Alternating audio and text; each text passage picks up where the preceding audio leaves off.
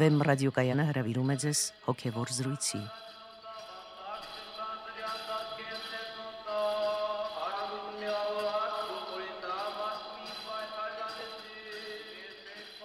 Բարև ձեզ հարգելի ունկնդիրներ, ստուդիայում Մանուկ Երգենյանն է։ Այսօր հոգևոր զրույցներ հաղորդաշարի ընթացքում մենք խոսենք ողորմության առաքինության մասին։ Մեր հյուրն է Տեր Մեսրոպ Քահանա Արամյանը։ Օրհնեցեք Տեր հայր։ Աստված օրհնի։ Տեր հայր, ողորմությունը համարվում է ամենակարևոր առաքինություններից մեկը քրիստոնեության մեջ։ Խնդրում ենք բացատրեք նրա էությունը։ Ինչ է ողորմությունը։ Ինչ է նշանակում ողորմած մարդ լինել։ Ողորմությունը քրիստոնեական կյանքի 3 գլխավոր առաքինություններից մեկն է։ Աղոթք, պահք եւ ողորմություն։ Հայրերը խոսում են այս 3 առաքինությունների մասին, որոնք անհրաժեշտ են մարդու փրկության համար։ Եվ հայրերը բացատրում են սա հետևյալ կերպ. Աղոթքը դա այն առաքինությունն է, որով ճշտվում է քո հարաբերությունը քո Տեր Աստծո հետ։ Պահքը դա այն առաքինությունն է, որով ճշտվում է քո հարաբերությունը քո մարմնի հետ, հոգուտ հարաբերությունը մարմնի հետ, կամ դու ինչպես ես ինքդ քեզ վերաբերվում։ Իսկ ողորմությունը դա այն առաքինությունն է, որով ճշտվում է քո հարաբերությունը քո մերձավորի, քո բարեկամի եւ ընդհանրապես մարդկանց նկատմամբ։ Ուրեմն, այլ կերպ ասած, ողորմության պատվիրանը ինքը սիրո պատվիրանի անբաժանելի մասն է։ Եթե մենք մի փոքր խորը դիտարկենք, ապա կտեսնենք, որ ողորմությունը ընդհանրապես ողորմության գործերը բխում են ավելի խորը, ավելի լուրջ պատվիրանից, սիրո պատվիրանից, կարեկցանքի հոգուց, հանուն քո դիմացինի մի բան զոհելուց։ Եվ ասվում է հայրերի կողմից եւ նախ եւ առաջ ավետարանում, որ ողորմած մարդը ինքը Աստծո պատկերն ու նմանությունն է, որովհետեւ ինքը Աստված խտրություն չի դնում մարդկանց միջև եւ արեգակի լույսը եւ հոգեվոր լույսը ծագեցնում է բոլոր մարդկանց վրա, այսինքն բոլոր մարդկանց է հնարավորություն տալիս փրկվելու եւ նաեւ նյութական բարիքներ բաշխում է բոլոր մարդկանց։ Եվ նմանապես էլ մարդը, որը ողորմության գործեր է անում, ինքը պատկերակից է դառնում Աստծուն, որտեվ Աստծո ամենակարևոր հատկանիշներից մեկը ողորմած լինելն է։ Եվ շատ հայրեր նույնիսկ այս առաքինության վրա ավելի զորավոր շեշտադրումներ են կատարում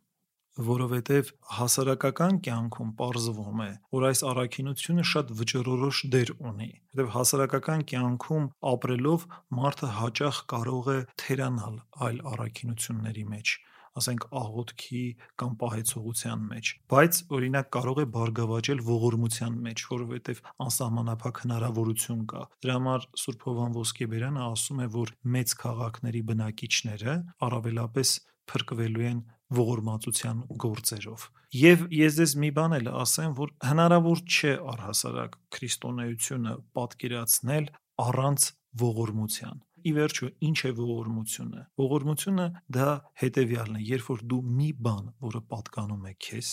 որը քոնն է, զոհում ես հանուն դիմացինի։ Հանուն դիմացինի մարմնավոր կամ հոգևոր կյանքի կամ հանուն դիմացինի փրկության, բժշկության եւ այլն։ Այսինքն ամենակարևոր էլեմենտը զոհողության զոհողության հոգին է։ Առանց այդ զոհողության հոգու դու չես կարող ճիշտ կերպով իրագործել ողորմության պատվիրանը, ավելին ասեմ, առանց սիրո ամբովանդակ եւ դատարկ կլինի ողորմածության գործը։ Դա սիրուց պետք է բխի։ Փաստորեն կարելի է նաեւ ասել, որ ողորմությունը սիրո ավելի պրակտիկ իրականացման ճանապարհ է։ Այո, իհարկե։ Գիտեք, մարդը կարող է զանազան շեղումների մեջ եւ գայթակղությունների մեջ հայտնվել։ Կարող է ինքնախապեյությամբ զբաղվել, կարող է մարդուն թվալ, որ ինքը սիրում է, բայց ինքը սիրոց շատ հեռու լինի։ Սերը դա շատ լուրջ պատվիրան է եւ այդտեղ կա սկիզբ, զարգացում, կատարելության աստիճաններ։ Հնարավոր չի որ մարդը աստվածային կատարյալ սերը անմիջապես ձեռք բերի։ Դա շատ երկար ճանապարհ է, շատ եւ հայրերը նկարագրում են թե ինչպիսի մեծամեծ զոհողությունների գնով են հասել իրենք այդ բաղձալի սիրուն, որը լրումն է բոլոր առաքինությունների եւ առասարակ հոգեվոր կյանքի։ Իսկ ողորմությունը դա սիրո շատ գործնական քայլ է։ Այստեղ չկան խապկանքներ։ Դու մի բան ունես եւ զոհում ես։ Այստեղ շատ կարեւոր է նաեւ այդ պատրաստակամության հոգին պատրաստակամության հոգին։ Եվ նաև կան բաներ, որոնք դու եւս պետք է իրագործես, որի մասին թերևս կխոսենք, որպեսի նաև քո ողորմությունն էլ լինի Աստվածահաճո բաներ կան, որ մինչև ողորմությունը պիտի անես եւ նաեւ ողորմությունից հետո էլ դու քեզ ճիշտ պետք է պահես։ Մինչև այդ հարցերին անդրադառնալը, դերեր կուզենայի խոսեինք հետեւյալ հարցի շուրջ. Արդյոք ողորմությամբ հնարավոր է քավել մեղքը։ Չէ՞ որ առաքյալը ասում է, որ մարդ հավատքով է արդարանում։ Արդյոք կարելի է ողորմության գործեր կատարելով ծածկել որոշակի մեղքեր։ Անշուշտ կարելի է։ Իհարկե, մարդը հավատքով է արդարանում, բայց առաքյալը նաև ասում է, որ Հակոբոս առաքյալը, որ հավատքը առանց գործերի մեռած է։ Իսկ հավատքի գործերը հենց առաքինություններն են։ Մենք աղոթքը դա հավատքի գործ է, պահքը դա հավատքի գործ է։ Իսկ ողորմությունը հավատքի գործ է։ Անշուշտ։ Բայց կարող է լինել նաև մարդ, որը չի հավատում, բայց ողորմած մարդ է եւ շատ ողորմություններ է անում մարդկանց։ Ուրեմն ինքը ունի հավատքի չգիտակցված կերպ, լավ է որ այդ մարդը դառնա հավատացյալ, որտեղ իսկապես ողորմած մարդը արդեն ընդཐུպ մոտեցել է հավատքի մատույցներին, լավ կլինի որ ինքը նաև ձեռք բերի ուրեմն ուղափառ գիտակցություն եւ ավելի կատարյալ կերպով կատարի իր ողորմածության գործերը։ Այնուամենայնիվ Չնայած նրան, որ առաքյալը ասում է, որ հավատքով եք փրկվում, հավատքի գործերը շատ կարևոր են, որպեսի մենք մեռած հավատք չունենանք եւ անպտուղ վիճակներում չհայտնվենք։ Եվ այստեղ շատ կարևոր է ողորմության գործը Իսկ գալով ձեր ասացին, որ մարդը կարող է իր մեղքերի մի մասը քավել ողորմության գործերով, անշուշտ կարող է, որովհետև նույնիսկ ողորմության գործերը համարվում են ապաշխարության տեսակներից մեկը։ Այսինքն ինքնին ապաշխարության խորհուրդը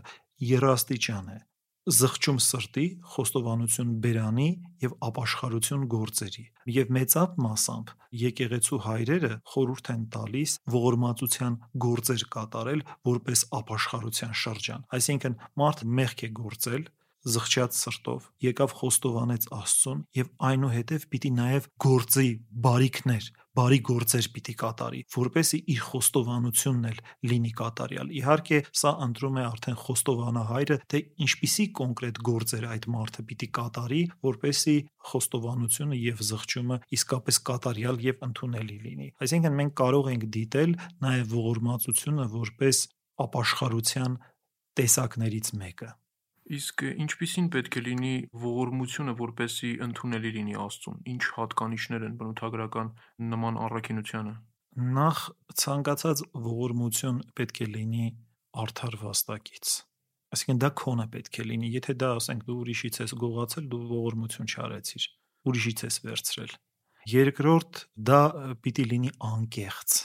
անկեղծ, ի սրտե պիտի լինի Այսինքն չպետք է լինի այնպես, որ մարդը չուզենալով արեց ողորմությունը, դա իսկապես պիտի լինի անկեղծ, սրտի անկեղծ ցանկությամբ պիտի լինի։ Դեր այդ ներողություն ընդհատելու համար, իսկ եթե մարդ պատրաստ չի այդ ողորմությանը, բայց ինքը ցանկանում է հասնել այդ առաքինությանը եւ իրեն ստիպելով գործում է այդ ողորմությունը, արդյոք դա ընդունելի չէ ընդունելի է եւ այստեղ շատ կարեւոր է որ ինքը ճիշտ ճանապարհի վրա է, ձգտում է։ Ի վերջո դա առաքինություն կատարելու ճիգ է։ Այո, հիմա ես պատասխանում եմ այն հարցին, թե որն է ողորմության կատարյալ տեսակը, բայց հնարավոր են նաեւ ողորմության անկատարելի եւ ընդունելի տեսակներ, եթե պայմանով մարդը ճիշտ ընթացքի մեջ է։ Հիմա նաեւ շատ կարեւոր է ողորմության եւ ընդհանրապես ցանկացած առաքինության գործում ի ցույց մարդկանց չանելը չի կարելի որևէ առաքինություն հայրերը ասում են ցանկացած առաքինություն անմիջապես կարող ես փչացնել եւ ոչ աստվածահաճո նույնիսկ աստված ասում է աստուամար զզվելի դարձնել եթե դու դա անում ես ի ցույց մարդկանց Իսուս մարդկանց բարեպաշտ ձևանալով, աղոթասեր կամ պահեցող կամ ողորմած ձևանալով, այլևս դու քո փառքդ ու փառաբանությունդ ստացար մարդկանցից, դու Աստծուց ստանալիք որևէ բան չունես։ Եվ հատկապես ողորմության պարագայում սա շատ վտանգավոր է, որովհետև ասում են թող քո ձախ ձեռքը չիմանա ինչ է անում քո աջ ձեռքը։ Շատ կարևոր է ի ցույց մարդկանց չանելը, մարդկանցից փառք չորսալը։ Եվ եւս մի պարագա կարող եմ նշել, որ երբ որ դու ողորմություն ես անում, դու չպետք է ակնկալես, որ դիմացինդ քեզ պետք է բարիք գործի դրանից հետո եւ անպայմանորեն քեզ պետք է լավով պատասխանի։ Նույնիսկ կարող են լինել այնպիսի իրավիճակներ, երբ որ դու ողորմություն անես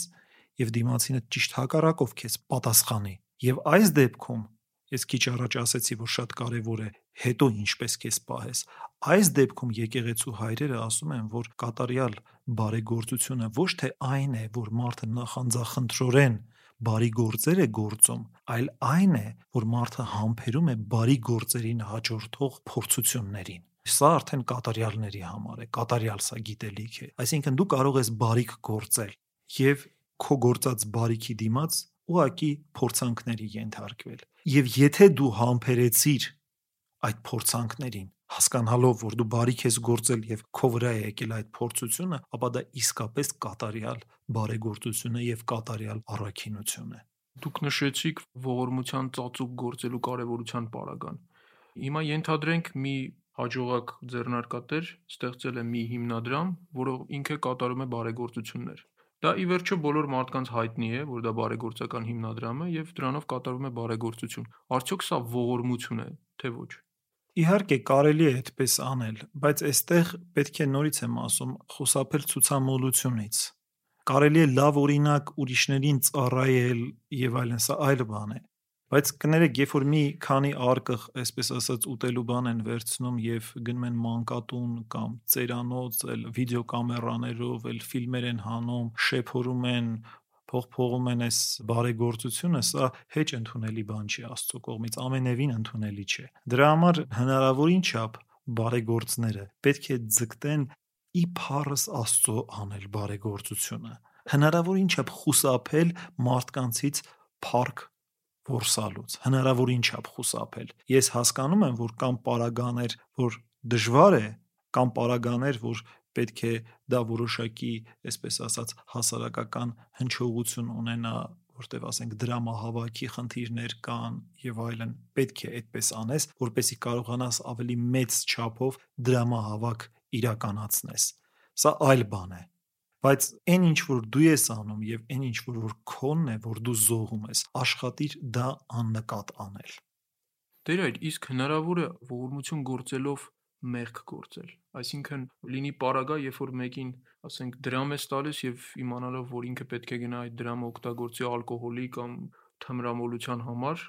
չտաս։ Արդյոք ճիշտ չէ այդ պարագայում չտալ։ Իհարկե ճիշտ է, եւ այստեղ նույնիսկ հայրերը ունեն որոշակի խրատներ, որ զգուշ լինել ողորմություն տալուց։ Այսինքն ամեն պարագա չէ, որ ողորմությունը արդարացված է։ Այսինքն մարդը պետք է որոշակի տեսողություն ունենա եւ հասկանա, որ չէ որ դու կարող ես ասենք որևէ մեկին փող տալ եւ մարդը կարող է դա թմրադեղի կամ հարբեցողության կամ այլ բաների մեջ օգտագործել։ Այսինքն չի կարելի աննպատակ ողորմություն անել։ Ողորմությունն էլ պետք է ինքնին նպատակ ունենա, պետք է զգուշանալ այդպիսի ուրեմն ողորմության գործերից, որտեղ ուղակի երբեմն կարող ես նաև մարդու հոգևոր կործանման պատճառ հանդիսանալ։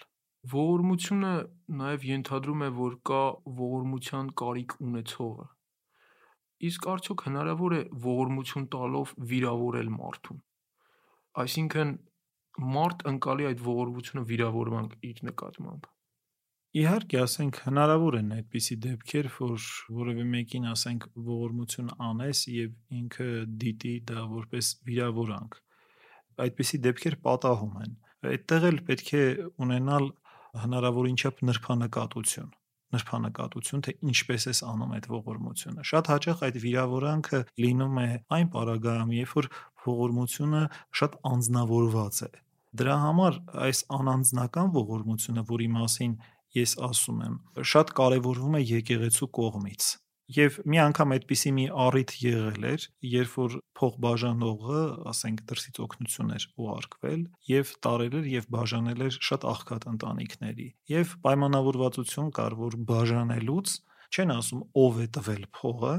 ընտրված էին շատ ծայրահեղ, ամենածայրահեղ աղքատ ընտանիքները եւ իրենց բաժանվում էր գումար։ Եվ պայմանավորվածություն կար, որ այդ գումարի բաժանման ժամանակ, երբ որ հարցում են թե ով է գումարը ուղարկել, որևէ մեկի անուն չտալ, այլ ասել, որ Աստված է ուղարկել կամ եկեղեցին է ուղարկել։ Եվ բոլոր դեպքերում Ուրեմն մութի տարիներն էր այդ շատ ծանր ժամանակաշրջան էր։ Առաջի արձագանքը մարդկանց բերանից եղել է սա, ուրեմն երկնքում Աստված կա, որ լսեց մեզ։ Շատ հետաքրքիր ռեակցիա է, այսինքն անանձնական ողորմությունը բերում է Աստծո անվան անմիջական փառավորության է բերում։ Իսկ անznավորված ողորմության դեպքում շատ հաճախ կարող է ուղակի սահմանափակվել, հա ինքը լավ տղա է կամ լավ անznավորություն է որակումներով։ Բայց եթե դու անանձնական արեցիր, դու հնարավորություն տվեցիր, որ Աստծո անունը մեկ անգամ եւս փառավորվի։ Իրար, իսկ ինչպես կարելի է ողորմություն գործել։ Արդյոք միայն փող տալով կամ նյութական բարիքներ, թե կարելի է այլ կերպերով ողորմություն գործել։ Ողորմության գործերը իհարկե շատ բազմազան են, դա միայն չի սահմանափակվում փողով կամ նյութական որևէ միջոցներով, եւ ընդհակառակը հայրերը խոսում են օրինակի համար հոգեվոր ողորմության մասին, խոսքի ողորմության մասին եւ ասում են, որ դրանք շատ ավելի բարձր աստիճաններ են։ Իհարկե, այստեղ պետք է տրվածություն չի կարելի աննպատակ դա օգտագործել եւ նույնիսկ գայթակղեցնել, այլ պետք է հստակորեն գիտակցես, որ դու ունես այդ շնորը, Այսինքն չէ որ ողորմությունը դու քո նյութական հարստությունից զոհեցիր։ Ուրեմն, եթե դու հոգևոր ողորմություն ես անում, ուրեմն քեզ տված հոգևոր հարստությունից պիտի ունենաս այդ շնորհը, որ զոհես։ Հաճախ մարդիկ սա չեն գիտակցում ու փորձում են խոսքի ողորմության արվեստի մեջ մտնել եւ քարոզել մարդկանց եւ արդյունքում ավելի շատ գայթակղեցնում են։ Բայց այն մարդիկ, ովքեր ունեն ձիրք ստացած Աստծուց, խոսքի շնոր ունեն, հոգևոր շնորներ ունեն, իրանք անպայման պետք է դա իրագործեն ուրիշների փրկության համար առիթ հանդիսանալով։ Եվ այդ ողորմության տեսակը շատ ավելի բարձր տեսակ է համարվում, որովհետև այստեղ տրամաբանությունը շատ հստակ է, որտեղ մարդկային կյանքի նպատակը փրկությունն է եւ Աստծո հետ միավորվելը։ Հիմա տվյալ պարագայում դու ուղակի կոնկրետ գործողություն ես կատարում մարդուն առաստված դարձնելու, մարդուն մեղքից զերծ պահելու։ Բնականաբար սրա արժեքը անհամեմատելիորեն ավելի մեծ է, քան թե նյութական որևէ ողորմություն։ Բայց կան նաև պարագաներ, որ պետք է հասկանաս, որ նախ պետք է մարդուն հաց տաս ուտելու։ Եթե հաց չտաս մարդուն ուտելու, ինքը կարող է ի վիճակի չլինել այդ սովամահության վիճակում հոգևոր խոսք լսելու։ Շատ հաճախ այսպիսի գայթակղություն էլ կա, գնում են ու սկսում են անմիջապես հոգևոր շատ բարձր դոզայով մարդուն մոտենալ, մինչդեռ մարդը ուղակի սովամահ է լինում, մարդուն պետք է մի կտոր հաց տաս, կերակրես, մի քիչ ջերմացնես մարդուն, նոր սկսես ավելի բարձր բաներից մարդու հետ խոսել։ Տեր այ, իսկ եթե խոսում ենք զուտ նյութական, նյութականը զոհելու մասին, Որն է այլ ընդունելի չափը ողորմության։ Օրինակ, անցյալ դարերում կարգված էր, որ մարդիկ տասանորդ էին տալիս եկեղեցուն, իրենց նյութական բարիքներից։ Հիմա եկեղեցին կարող է որևէ նմանատիպ ուղղորդիչ առաջարկել ժամանակակից մարդուն։ Ես կարծում եմ, որ 10-րդի գաղափարը շատ հին գաղափար է, շատ հին վաղնջական ժամանակներից եկող եւ մի տեսակ ինքը մի հավիտենական խորուրդ ունեցող գաղափար է եւ միշտ էլ դա լայնորեն գործածվել է եկեղեցուց եւ այսօր էլ գործածվում է դրսում օրինակ ասենք կաթոլիկ եկեղեցին է դա օգտագործում եւ այլ նույնիսկ հարանվանություններ են օգտագործում եւ մեր եկեղեցու ավանդության մեջ էլ է դա եղել մենք հրատարակել ենք այդ քարոզը նվիրատվության մասին որտեղ Սուրբ Գրիգոր Տաթևացին կոնկրետ խոսում է տասանորդի մասին եւ ցույց է տալիս թե տասանորդը ինչպիսի մեծամեծ բարիքներ է գործում ժողովուրդների համար այն ժամանակ ինքը տասանորդով էր պայմանավորում եվրոպական ազգերի հզորությունը եւ բարեկեցությունը եւ ասում էր մենք թերանում ենք տասանորդի մեջ դրա համար մեր ազգի վիճակը օրինակը այսպեսին է։ Ուրեմն 10-րդ տալը ինքը շատ կարևոր օրենք է քրիստոնեության համար։ Լավ կլիներ, որ եկեղեցին ինքը վերամշակեր այս գաղափարը բոլոր քրիստոնյաների համար, այսինքն այն մարդիկ, որոնք իսկապես իրենց զգում են հայ առաքելական եկեղեցու զավակներ, միգուցե հիմնադրամներ ստեղծվեին աղքատախնամ եւ քրիստոնյաները իրենց 10-րդ այդ աղքատախնամ հիմնադրամներին տային, հատուկ ասենք որբերի, ծերերի անխնամ մարդկանց խնամելու համար Եվ սա էլ շատ կարևոր քայլ կլներ։ Այսինքն մենք չպիտի միայն մտածենք, որ փողը մենակ սփյուռքից պիտի գա աղքատների, որբերի եւ մյուսների համար։ Մենք էլ ինչ որ մասնակցություն այստեղ պետք է ունենանք։ Այսինքն դա օրենք է, տասանորդը որոշակի օրենք է եւ լավ կլինի, որ դա մենք իրագործենք։ Բայց ես չեմ կարծում, որ լուրջ քրիստոնյայի համար կարելի է դրանով սահմանափակվել։ Դեր իսկ տասանորդը վերաբերվում է զուտ միայն եկեղեցուն միջոցներ տրամադրելով, թե դա ավելի կարող է տասնորդ տալ, բայց ուրիշ հաստատությունների։ Թե դա զուտ միայն եկեղեցուն է վերաբերում։ Ես կարծում եմ, որ ցանկացած աղքատի, այսպես ասած, տվածը դա նախ անմիջապես դու դա Աստծուն ես տալիս։ Մեր Տերն ասում է, որ եթե սրանցից մեկին արեցիք, ուրեմն ինձ արեցիք։ Այսինքն աղքատները նախ եւ առաջ դրանք Աստծո падգամավորներն են մեր կյանքում։ Մենք նրանց պետք է անենք այնպես, ինչպես Աստծուն ենք անում այսինքն պետք է տանք որբեր են եւ այլն անխնամ ծերեր են հիվանդներ են եթե ասենք մի մարդ որը ասենք առանց այդ վիրահատության կարող է մահանալ եւ եթե դու վիրահատության համար փող ես տալիս դա շատ անհրաժեշտ եւ շատ կարեւոր բարեգործություն է այդ ճանապարհով ասենք եթե դրա համար դու 10-անորդ ես տալիս հարցս ուզում եմ մի փոքր կոնկրետացնեմ Պողոս Արաքյալը երբ որ խոսում է ողորմության մասին ապա մատնանշում է հավատքի ընտանիներին կատարված ողորմության առավելության մասին։ Այսինքն, արդյոք եկեղեցու զավակներին արված ողորմությունը ավելի մեծ նշանակություն ունի, քան այլ մարդկանց արված ողորմությունը։ Զուտ քրիստոնյայի տեսանկյունից։ Գիտեք, քրիստոնյայի տեսանկյունից թերևս այդպիսի խտրականություն չկա, նման օրինակ բան, ասենք, հատուկ այդպես մշակված Սա բնական է, այսինքն երբ որ Պողոս Արաքյալը այդպես ասում է, սա բնական է, որտեղ ցանկացած, ասենք, համայնքի ցանկացած հասարակության մեջ նախ պետք է հասնես մերձավորիդ, այսինքն նա, որ քո եղբայրն է, ես նկատի չունեմ ազգակցական եղբայրությունը, հետո մյուսներին։ Սա շատ բնական բան է, այսինքն եթե հիմա օրինակի համար մենք օրինակ մեր որբերին չխնամենք, ասենք օրինակ միայն որոշենք Աֆրիկայի որբերին ենք խնամում դա նորմալ գտիտվի, նորմալ չի եւ Աստծո համար էլ ընդունելի չի։ Բայց իհարկե, եթե մենք մեր որբերին հասնում ենք եւ ի վիճակի ենք նաեւ Աֆրիկայի որբերին հասնել, կարող ենք նաեւ իրենց էլ հասնել։ Բայց այն ինչ որ քո աչքի առաջ է, նախ այդ այդ ծառը պիտի ջրես։ Հետո հերավոր ծառերին պիտի անդրադառնաս դեր այդ մեր հասարակությունում շատ տարածված երևույթ կա, երբ մերձավորները իրեն պարտք են տալիս միմյանց Արդյոք այս երևույթը կարելի է ողորմության տեսակ դիտել։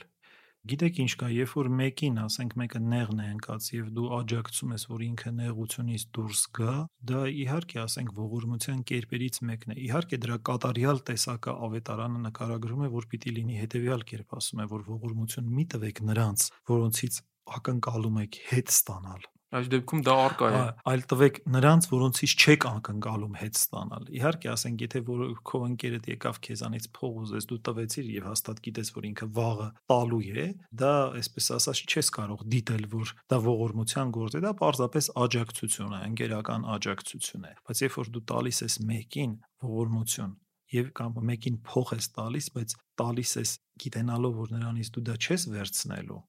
Այսա իսկապես լուրջ առաքինություն է եւ այստեղ կարեւորվում է նաեւ նրանով, որ երբ որ դու փող ես տալիս, որոշակի պարտավորության մեջ ես դնում նրան, որ այդ փողը բարեխիղճ կերպով գործածի որտեվ շատ հաճախ երբ որ դու դա այդ փողը հանեիր ուղակի հենց այնպես տայիր նվիրեիր ինքը կարող է չգիտակցեր դրա արժեքը եւ այլ կերպով գործածեր բայց երբ որ խորագիտորեն փող ես տալիս բայց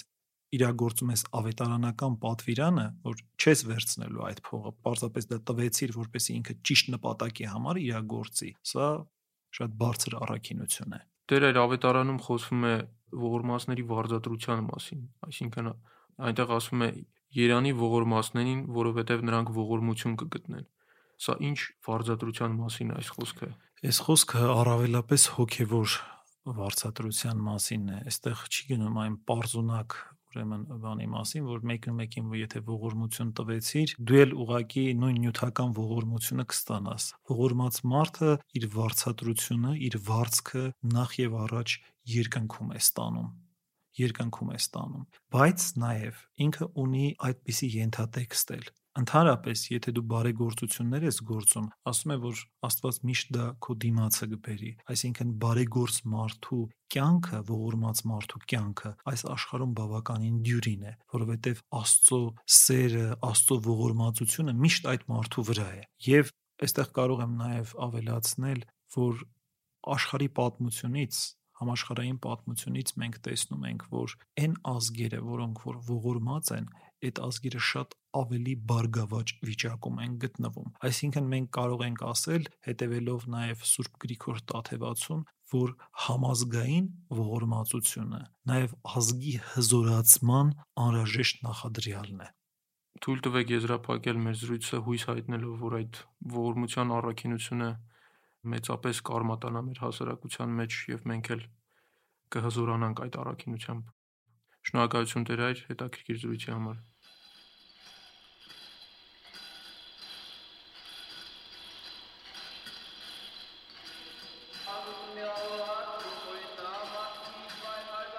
Հոգևոր զրույցներ հաղորդաշարի հերթական հաղորդումը վարեց Մանուկ Հերգնյանը։